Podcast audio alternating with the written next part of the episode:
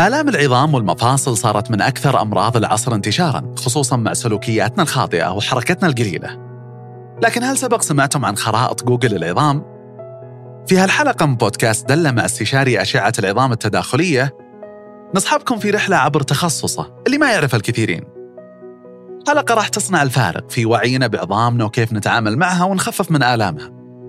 ضروري تستمعون لها عبر رابط الاستماع لحلقة خرائط جوجل للعظام في وصف الحلقة.